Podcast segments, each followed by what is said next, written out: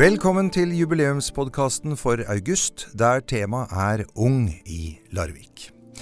Og dette vet jo du, Kjetil, mer om enn meg. Ja, jeg er jo fremdeles ganske ung.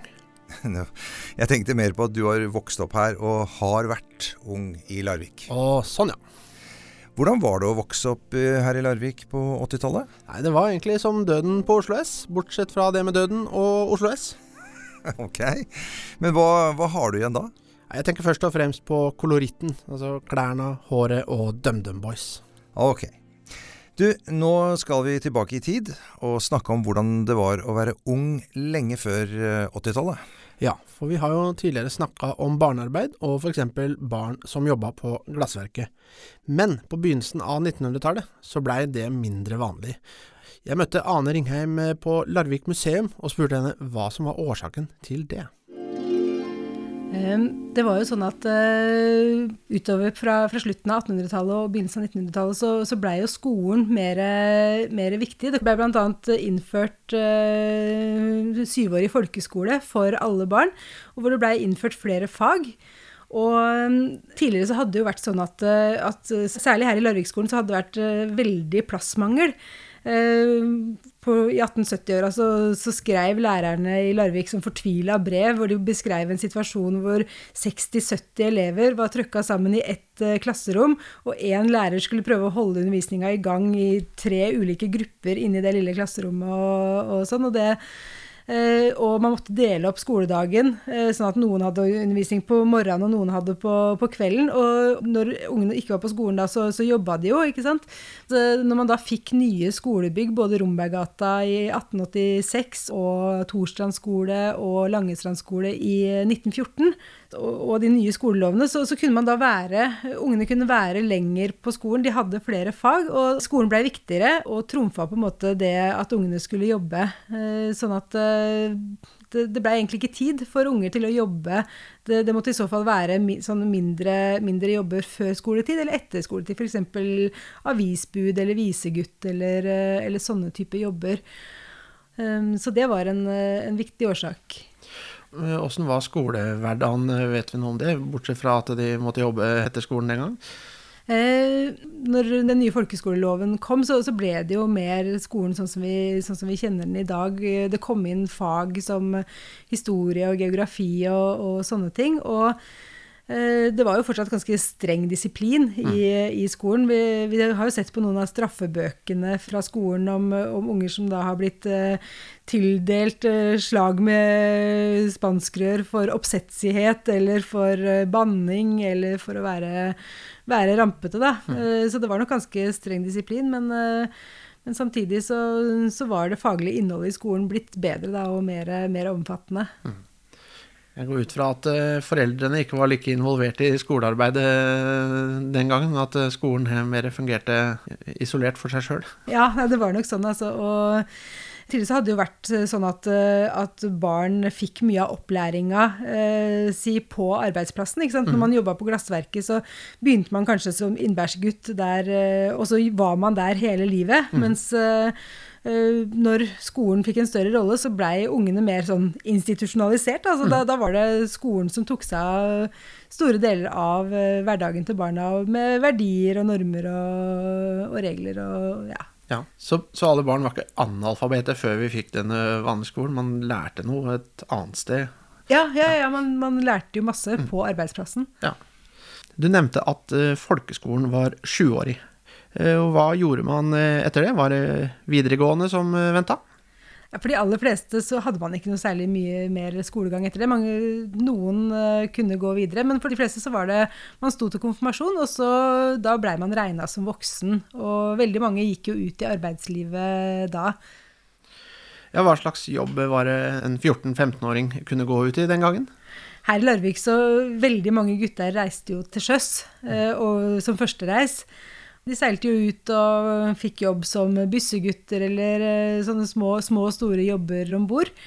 Og det et, eh, kunne være et ganske sånn eh, brutalt møte med, med voksenlivet. For der som førstereis så sto man jo på en måte ofte ja, helt sånn nederst på rangstigen, og, og, man måtte jobbe for å få respekt hos de som var eldre. Og ofte så blei jo de førstereisguttene de ble jo hersa litt med og tulla litt med. og Det var blant annet en som han kunne ikke så mye engelsk, da, og ble sendt ned i maskinrommet med en boks i handa for å bli bedt om å hente litt steam. Eh, så det var jo sånne ting som, som de blei ble narra til, da. Mm. Så da, etter konfirmasjon, så ble man eh, regna som, eh, som, voksen av både si, kollegaer og, og, foreldre? Ja, da var, man, da var, man, voksen, og da ble det forventa at man skulle, skulle klare seg, seg sjøl og tjene, ut og tjene penger, da. Men barndom er jo mer enn å bare gå på skolen. Hva dreiv barna med ved siden av det? Det var jo forskjellige former for, eh, for lek. da. Man, eh, man hoppa, hoppa, paradis og kasta på stikka. Og så var det jo i fotballens barndom, eh, det her. Mange spilte fotball, men det var jo ikke fotball på den måten som vi kjenner i dag, med organisert klubbidrett og fotballbaner og anlegg og sånne ting. Det var uh, ulike bydeler eller gater som laga sitt eget lag og samla sammen til litt sånn provisoriske drakter. og Eh, laget hadde ikke noen fotball, så man spilte med sammenrulla sånn tøyfiller. Og det fins noen historier om hvordan guttene drev og jobba etter skoletid for å spare sammen til en, eh, en ordentlig lærball. Da, og, og, den blei tatt hjem hver kveld, og hvis den fikk en liten rift, så blei den sydd og tatt med opp i senga og eh, virkelig pleid og tatt vare på. Gutta spilte fotball, men, men hva, hva drev jentene med? Jentene drev med ulike form for lek og sånn, eh, som de også, men eh, de var nok i enda større grad eh, forventa å skulle hjelpe til hjemme. I denne perioden på, på begynnelsen av 1900-tallet så skjedde det jo ganske store endringer i familiestrukturen også. Fra at man hadde sånt, en sånn struktur hvor hele familien var forventa å skulle bidra inn i familieøkonomien ved, ved å jobbe så går det da over til at eh, far blir hovedforsørger for familien, og mor er, eh, er hjemme. Og, og, døtrene er da forventa å skulle hjelpe til eh, hjemme med, med matlaging og, og rengjøring og alle de tinga som skulle til i et hus. Ja, det høres jo ganske likt ut som da jeg vokste opp. Ja, nemlig. Jeg lærte f.eks. ikke å re opp senga mi før jeg kom i militæret. Nei, det gjorde ikke jeg heller. Du, nå skal vi over til skoleverket. Og uh, hvorfor skal det handle om akkurat Rombergata skole? Jo, fordi hvis vi skal snakke om åssen det har vært å være ung i Larvik, så kommer vi ikke utenom Rombern. Og en som har en veldig sterk tilknytning til Rombern, det er Tor Buås. Det var jo sånn at når skolen ble bygd i 1884, så var det oldefaren min som ble den første vaktmesteren på skolen. Min bestemor ble født noen få år etter, i kjellerleiligheten her på skolen. Så dermed var hun eh, nær knytta til det. Så ble jeg elev her i syv år. Og etterpå det ble jeg lærer, inspektør og skolens siste rektor. Så jeg har litt spesielt forhold til både bygningen og innholdet som var her. Har du vært uh, mye her siden, uh, siden du var uh, rektor her? Ja, det har jo vært aktiviteter i bygget som jeg har vært med på. Og så hender det jo når jeg går en tur på byen at jeg rusler rundt skolen her, og da kommer en del minner fram. Det er helt sikkert. Men da kan vi jo ta en tur inn og se åssen det ser ut inne nå. Det blir spennende. Jeg har ikke vært i alle kroker og kriker etter det ble nedlagt. Da kan vi jo ta en tur og se på et av de gamle klasserommene. Ja. Men akkurat i trappeløpet her er det vel ganske likt, ser det ut som. Det er litt imponerende.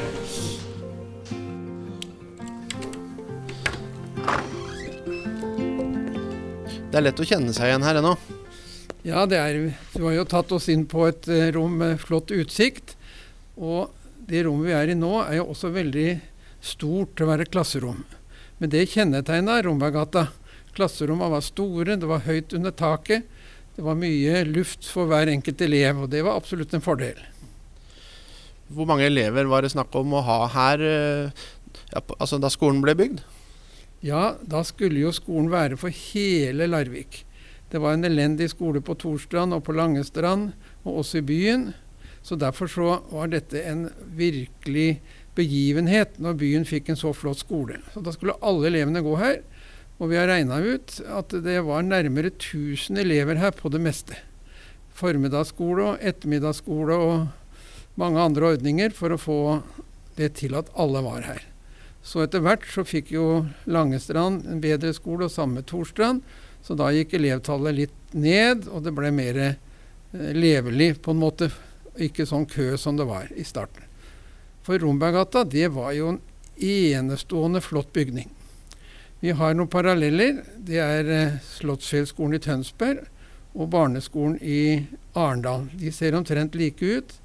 Og Grunnen til det er at for å få lov å bygge denne skolen og få støtte fra staten, så måtte de da bygge på akkurat denne måten. For bygget skulle kunne brukes som kaserne i tilfelle krig med svenskene sånn rundt 1900 og utover. Og det eskalerte jo da i 1905. Så det var klart å kunne brukes til norske soldater og ut med elevene hvis det blei krig. Apropos krig. Eh, skolen eh, har jo vært eh, en del eh, av en krig også. Ja, til annen verdenskrig så var det sånn at med en gang tyskerne besatte Larvik, besatte de festiviteten, og så var det ut med alle elevene her under krigen. Det var ikke noe skole her, men det var svær aktivitet, tyskerne. Den flotte gymsalen, som var enestående i sin tid, den ble brukt til potetkjeller. Og så var det jo tyske soldater som var eh, internert her og bodde i bygget. Og når vi kom til 1945 og freden, så ble skolen brukt til skal vi si, oppbevare en del av de som ikke var på rett side under krigen. Og de ble sittende her i, som et lite fengsel i to-tre måneder til det ble rettssaker og alt ordna seg. Så det var uh, tøffe forhold der under krigen, selv om ikke det var skolegang. Tilbake til, til, skolegangen. da. Eh, vet vi noe om hvor mange elever som har gått her totalt? Ja, vi regna litt på det når vi skulle legge ned skolen i 84. Og vi kom til at det har vært ca. 30 000 Larviksgutter og -jenter som har gått her. Så det er i grunnen veldig mange fremdeles som har et forhold til denne skolen, og har hørt at foreldrene gikk her, og besteforeldrene. Og Romberggata har hatt en helt spesiell klang i, i byens historie. Hvem var, eh, hvem var elevene? Hvor, hvor, kom de fra? De kom fra Larvik by. Og Larvik hadde jo hatt en rivende utvikling på 1880-tallet. Da var innbyggertallet 11 300 ca. Og det er det høyeste innbyggertallet som Larvik som by noen gang har hatt. Og dermed var det over 1000 elever i skolepliktig alder. Og skolene var så nedslitt, så dermed kom alle hit, som jeg har vært inne på. Likevel så var det sånn at det var jo privatskoler i Larvik. Og det var ganske stas for de rikeste å kunne sende barna sine til de privatskolene. Privat pikeskole, privat gutteskole, privat videregående skole osv. Og jeg var inne på dette at bestemora mi var født her på skolen. Men vaktmesteren han sparte penger, og målet var at hun ikke skulle gå på Rombagata, men på den private pikeskolen. Det ga status i samfunnet. Eh, hvis vi går litt eh, nærmere i tid, mot eh, f.eks. det siste tiåret, da, eh, som det var skolelærer, og som du var eh, Da var du lærer og, og etter hvert rektor her. Eh, hvor kom de fra den gang? Altså, det var et samarbeid mellom Larvik og Brunlandnes kommune. Mesterfjellet var jo Larviks ungdomsskole, men den var litt for liten. Og så ble det samarbeid med Brunlandnes. Og da fikk vi elever fra Halle sentrum, Bøkelia, Langestrand, fra Brunlandnes utover mot Tenvik og hele Skiensveien opp til Kjose det var en veldig god elevrekruttering. Det var solide foreldre, det var eh, solid økonomi i familiene og interesserte elever. Så det ble, ble noen utrolig flotte eksamensresultater også på Rombergata skole. Det var noe ekstra, og vi var jo heldige som kunne rekruttere så mange flinke og ordentlige elever. Var da skolen, eh, klassene, var de delt opp eh, etter hvor elevene kom fra, eller ble det blanda her da? De ble blanda. Men eh, kjernen kanskje i hver klasse var jo at det var en del fra Langestrand. Der var det ikke nok til å bli en stor klasse fra Langestrand. Det samme var med Kjose, det var heller ikke nok. Så vi måtte putte på og bytte om litt. De skulle jo også lære å bli kjent med noen andre enn det de hadde gått sammen med på barneskolen. Kunne du merke noen forskjell på elevene i forhold til hvor de, hvor de kom fra? Ja, altså det Der må jeg si at det var solide elever over hele det spekteret som vi rekrutterte fra. Så det, det vil ikke si noe forskjell. Etterpå kom jeg jo til Mesterfjellet skole, når det ble nedlagt her. Og den rekrutterte jo fra de samme områdene, men også fra resten av Larvik. Og da var det nok et mer skal vi si, blanda elevkull som kom, med forskjellige typer elever og forskjellig bakgrunn. Og det avspeila nok mye mer samfunnet som helhet enn eh, det lille samfunnet vi hadde her på Rombergata, som hadde ganske utvalgte elever, egentlig. Når vi nå en gang ikke har skole her lenger, eh, tror du den skolen eh, fra, fra 70- og 80-tallet hadde fungert godt i dag? Nei, det hadde ikke. Og den var jo Den ble altså drevet på dispensasjon i alle år som ungdomsskole. Det var departementet som hvert år godtok så vidt at vi fikk lov å drive ungdomsskole her. Og Grunnen var jo det med spesialrom. Vi hadde jo de fleste spesialrom, men de var ikke så voldsomt godt utstyrt, og de hadde ikke så mange kvadratmeter som skulle til osv. Så, videre. så det var på dispensasjon som ungdomsskole vi dreiv. Men vi dreiv altså veldig bra, så elevene de ville jo ikke over på Mesterfjellet når den tida kom. Men hvis vi beveger oss bare for moro skyld ut eh, bort mot vinduet her Hvis jeg skal tenke tilbake til hvert fall da jeg gikk på skolen, eh, som også begynner å bli noen år siden Men det hadde vært utfordrende for meg å sitte på vindusrekka her og, og følge med. Var det en utfordring eh, som du ble kjent med her? Det var nok det, så det hendte vi måtte bytte litt. Noen elever som etter hvert bare drømte seg ut i den store verden. Og her har jo sittet en elev som har drømt seg ut i den store verden. Og det var jo Tor Heyerdahl. Han gikk jo på skolen her. Det samme gjorde Arne Norheim. Og uh, også Ingvar Ambjørnsen. Så tre av æresborgerne har jo gått her og sittet og sett utover Larviksfjorden og drømt seg eh, ut i den store verden.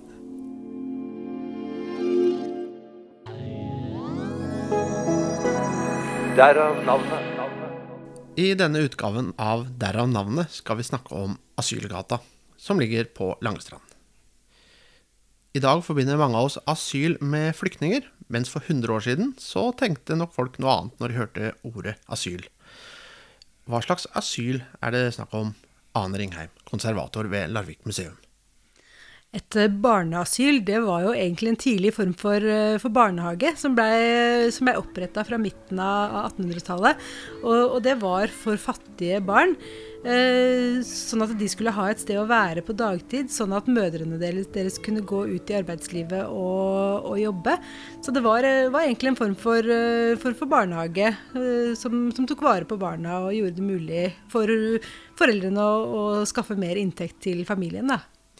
Og et sånt asyl har man da hatt på Langestrand? Eh, nei, eller eh, den institusjonen som lå der, det var egentlig et barnehospital.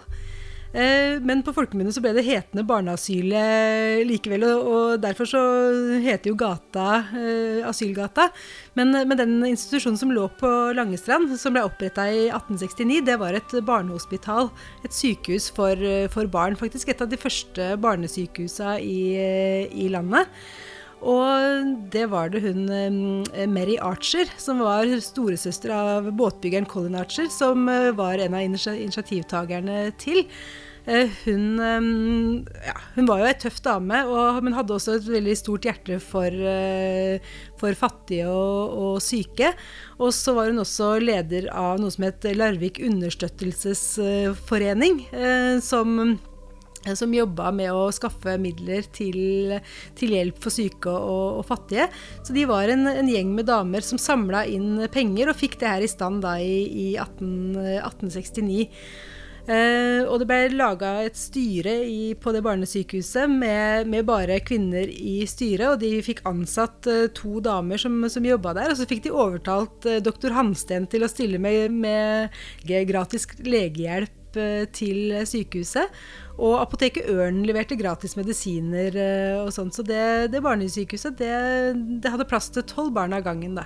Og da var det særlig, særlig fattige og, og ja, syke barn fra, fra ett år og opp til konfirmasjonsalder som, eh, som, kunne ha plass der.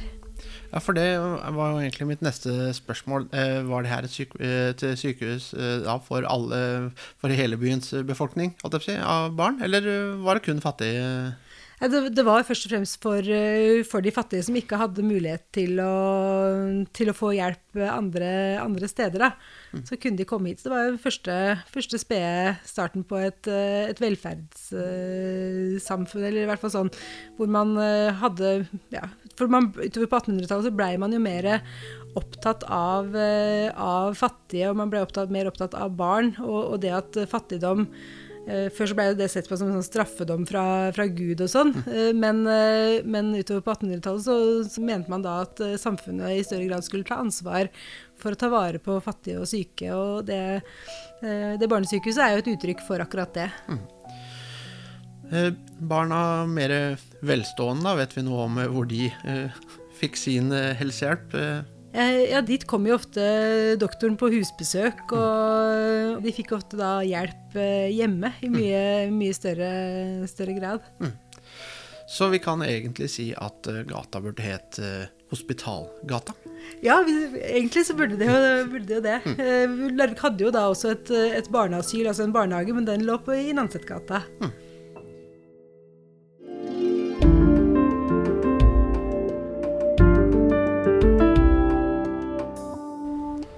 Jeg er på Rombern for å møte en eh, tidligere elev, og det er deg, Marianne Sørensen Olsvold. Er det her et sted du husker med glede? Ja, det vil jeg si. Det var bestandig hyggelig å, å være på Rombern. Kan ikke huske at det var noe utrivelig eller noe sånt. Når vi hadde hyggelige lærere og ja, vi likte skolen godt. Er det mye som er forandra her eh, utvendig siden eh, du var elev her? Bygget er jo det samme, men jeg blir jo litt lei meg når jeg ser eh, hvor stygt det er. Jeg skulle jo ønske at noen holdt det ved like, og at det var penere. Og så var det jo et skur akkurat her vi står nå, hvor vi kunne være inne når det regnet. da, For vi måtte jo ut uansett all slags vær. Skal vi ta en tur inn og se åssen det ser ut eh, der? Ja, det blir spennende.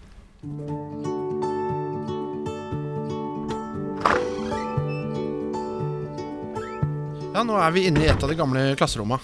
Er det lett å kjenne seg igjen her? Eh, ja, når jeg gikk opp trappa, så var det jo veldig lett å kjenne seg igjen. Det var jo helt likt. Og det gamle rekkverket og trappa i stein og alt var jo likt. Men når du kommer inn i gangen og klasseromma, så måtte jeg orientere meg litt. Jeg kjenner meg jo godt igjen, men det er jo veldig annerledes. Det, jo ikke, ja, det er jo ikke likt noen ting, verken taket eller gulvet eller veggene. Men jeg husker at dette klasserommet her, det tror jeg B-klassen hadde, for vi hadde matte sammen med B-klassen. For da var vi delt klasse. Og så tvers over gangen så tror jeg det var naturfag. Der hadde vi Buås. Det var en rein ungdomsskole da du gikk her, eller? Det var det. Eh, og hvilken skole kom du fra da? Jeg kom fra Langestrand skole. Var det ålreit å gå her sammen med folk fra andre deler av byen? Ja, vi så jo veldig fram til å begynne på Rombern. Når vi hadde gått i, eh, i sjette klasse, var ferdig med sjette klasse på Langestrand skole, så følte vi oss jo store og var jo veldig klare for Rombern og ungdomsskolen. Var det noen merkbar forskjell eh, på folk eh, sånn ut fra hvor de kom fra i byen? Eh, jeg syns ikke Jeg syns ikke det. Eh, rom, eh, det var, er jo Langestrand og Byskogen og Lia, altså byen, da. Eh, og der var vel folk ganske like, tror jeg. Jeg kan ikke huske at jeg tenkte så mye på det. Nei, Tor Buås sa det samme. At det, det som, som prega skolen her, var jo at det var folk fra ja, ressurssterke hjem. Da, sånn at det var relativt gode karakterer og et godt miljø. Men hvis vi ser ut vinduet her, da. Det må jo kunne sies at det her er en av de fineste utsiktene i byen når du er på toppen av Rombern og har vinduene ut mot fjorden. Og det jeg tenker da, er jo eh, at det må være en krevende undervisningssituasjon å sitte her og sitte på vindusrekka med den utsikten. Eh, har du noen oppfatning om det var noen som opplevde det som problematisk blant elevene? Eh, det kan jo hende det, for det er jo en fantastisk utsikt. Og det er vel den samme utsikten som Thor Heyerdahl hadde, så reisetrangen var kanskje stor. Og jeg kan jo huske at det var fem gutter, tror jeg, fra vårt trinn som eh, dro ut på på sånn skoleskipet Christian Radich, da. Som var borte i tre måneder, kanskje. Og da så de jo Da gikk de jo herfra og ned til jernbanen og dro av gårde. Forholdet mellom, eh, mellom lærere og eh, elever, åssen var det? Ja, vi hadde jo verdens beste lærer, da. Arnfinn Løvaas, som er med oss når vi har jubileumsfester ennå. Vi hadde det veldig hyggelig med han, og vi hadde Kåre Kverndokken i norsk, som også var en veldig flink lærer og hadde kustus i klassen, så det var ikke noe var ikke mye bråk og, og, tull. Det var det ikke. Men og, også Tore Karlsen da, i musikk, som spilte gitar. Og vi jentene fra Langestrand var veldig glad i å synge, så vi sang masse med han. Han spilte gitar. og Jeg tror han syntes det var mer gøy enn å ha f.eks. tyskundervisning, da, så sang vi isteden. Så det husker jeg som bare hyggelige lærere. Det sosiale var på fritida òg etter hvert, når man ble kjent her, eller? Ja, de som gikk her, gikk jo i den samme klassen eh, som de hadde fulgte fra Langestrand eller Byskogen, så vi kjente jo hverandre godt. Og vi bodde jo nær hverandre, så mange var jo sammen. Etter hvert så fikk vi jo Sånn som jeg begynte jo å spille håndball, og da var det jo fra de andre klassene også som jeg ble godt kjent med, og som jeg har venninner helt fram til i dag, da. Så det gikk jo litt sånn på tvers av klassene, for det var jo ikke så stort miljø. Og så når jeg står her og ser ut av vinduet nå, så ser jeg jo rett på festiviteten som de driver og pusser opp. Og det er jeg veldig glad for, at den skal bli fin igjen. For jeg kan jo huske Den var ikke fin når vi gikk her, men det var jo en festsal. Og der hadde vi sommeravslutninger, og jeg kan huske at uh, han som vi kjente som Kai Hobek, da, som etter hvert ble Steven Maverick, han uh, sang og opptrådde på scenen, og det syns vi var kjempegøy. Sånn som det ser ut uh, nå, med de arbeidene som blir gjort nå, så kan det jo hende at neste klassefest faktisk kan være i festiviteten. Ja, det hadde vært veldig gøy å se. Jeg følger det på Instagram og ser hvordan det blir inne, og det er veldig gøy å se hvor fint det blir. Da er vi tilbake i nåtiden og runder av denne episoden med å si takk til Ane Ringheim fra Vestfoldmuseene, Tor Buås, tidligere rektor ved Romberggata skole, og Marianne Sørensen Olsvold, tidligere elev samme sted. Researcher og intervjuer, det var deg, Kjetil Wold. Og ansvarlig for lyddesign er deg, Geir Atle Johnsen. Følg oss gjerne på Facebook, Larvikspodden Ropert eller Vi350. Du finner også Larvikspodden på Spotify og der du laster ned podkast. Ansvarlig for podkasten er Foreningen Ropert. Produsent Virvel AS.